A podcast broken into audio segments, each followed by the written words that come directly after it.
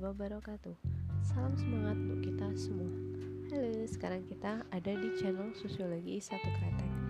Episode kedua ini masih dalam seri tokoh sosiologi di mana tokoh yang akan kita bahas pada episode kali ini adalah Emil Durkheim.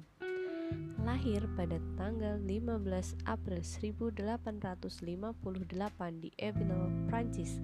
Dia adalah keturunan dari satu garis panjang para rabi ia menunjukkan reputasi akademik yang mengesankan dan akhirnya ditunjuk menjadi salah satu profesor sosiologi pertama di Prancis. Lewat beberapa teorinya, Durkheim memiliki pengaruh yang kuat dalam perkembangan sosiologi, mulai dari fenomena bunuh diri, agama, hingga konsep fakta sosial dalam masyarakat.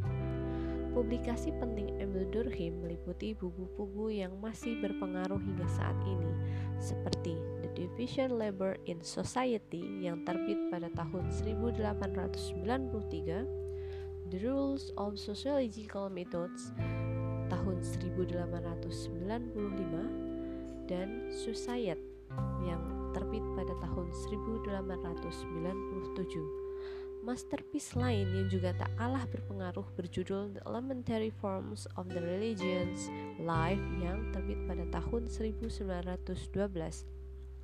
Durkheim merupakan salah satu sosiolog awal yang melakukan studi sosiologis dengan metode saintifik atau ilmiah menurut standar ilmu pengetahuan modern.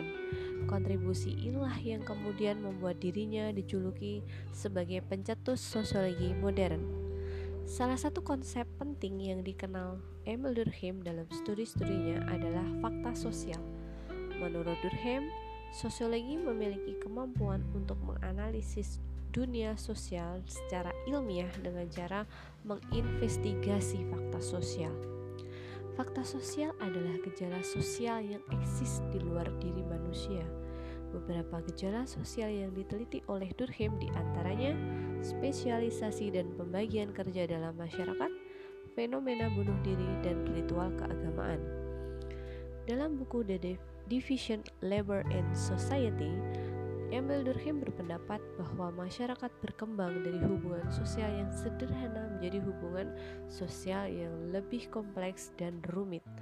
Durkheim pun menyebut evolusi tersebut sebagai sebuah perubahan sosial dari solidaritas mekanik ke solidaritas organik.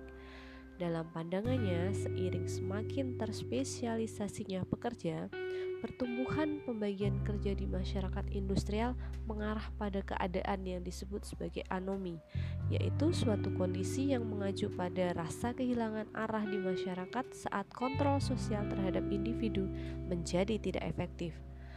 Anomi sering kali muncul pada saat terjadi perubahan sosial, ketika masyarakat kehilangan rasa akan tujuan dan arah. Durkheim juga merasa khawatir mengenai bahaya alienasi atau keterasingan, kesendirian, dan isolasi menjadi model dari masyarakat industri modern. Pada Perang Dunia Pertama mempengaruhi kehidupan Durkheim menjadi begitu tragis.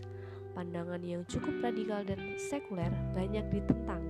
Para mahasiswa yang mengikuti wajib militer juga banyak menjadi korban perang Bahkan salah satu anaknya pun tewas dalam perang.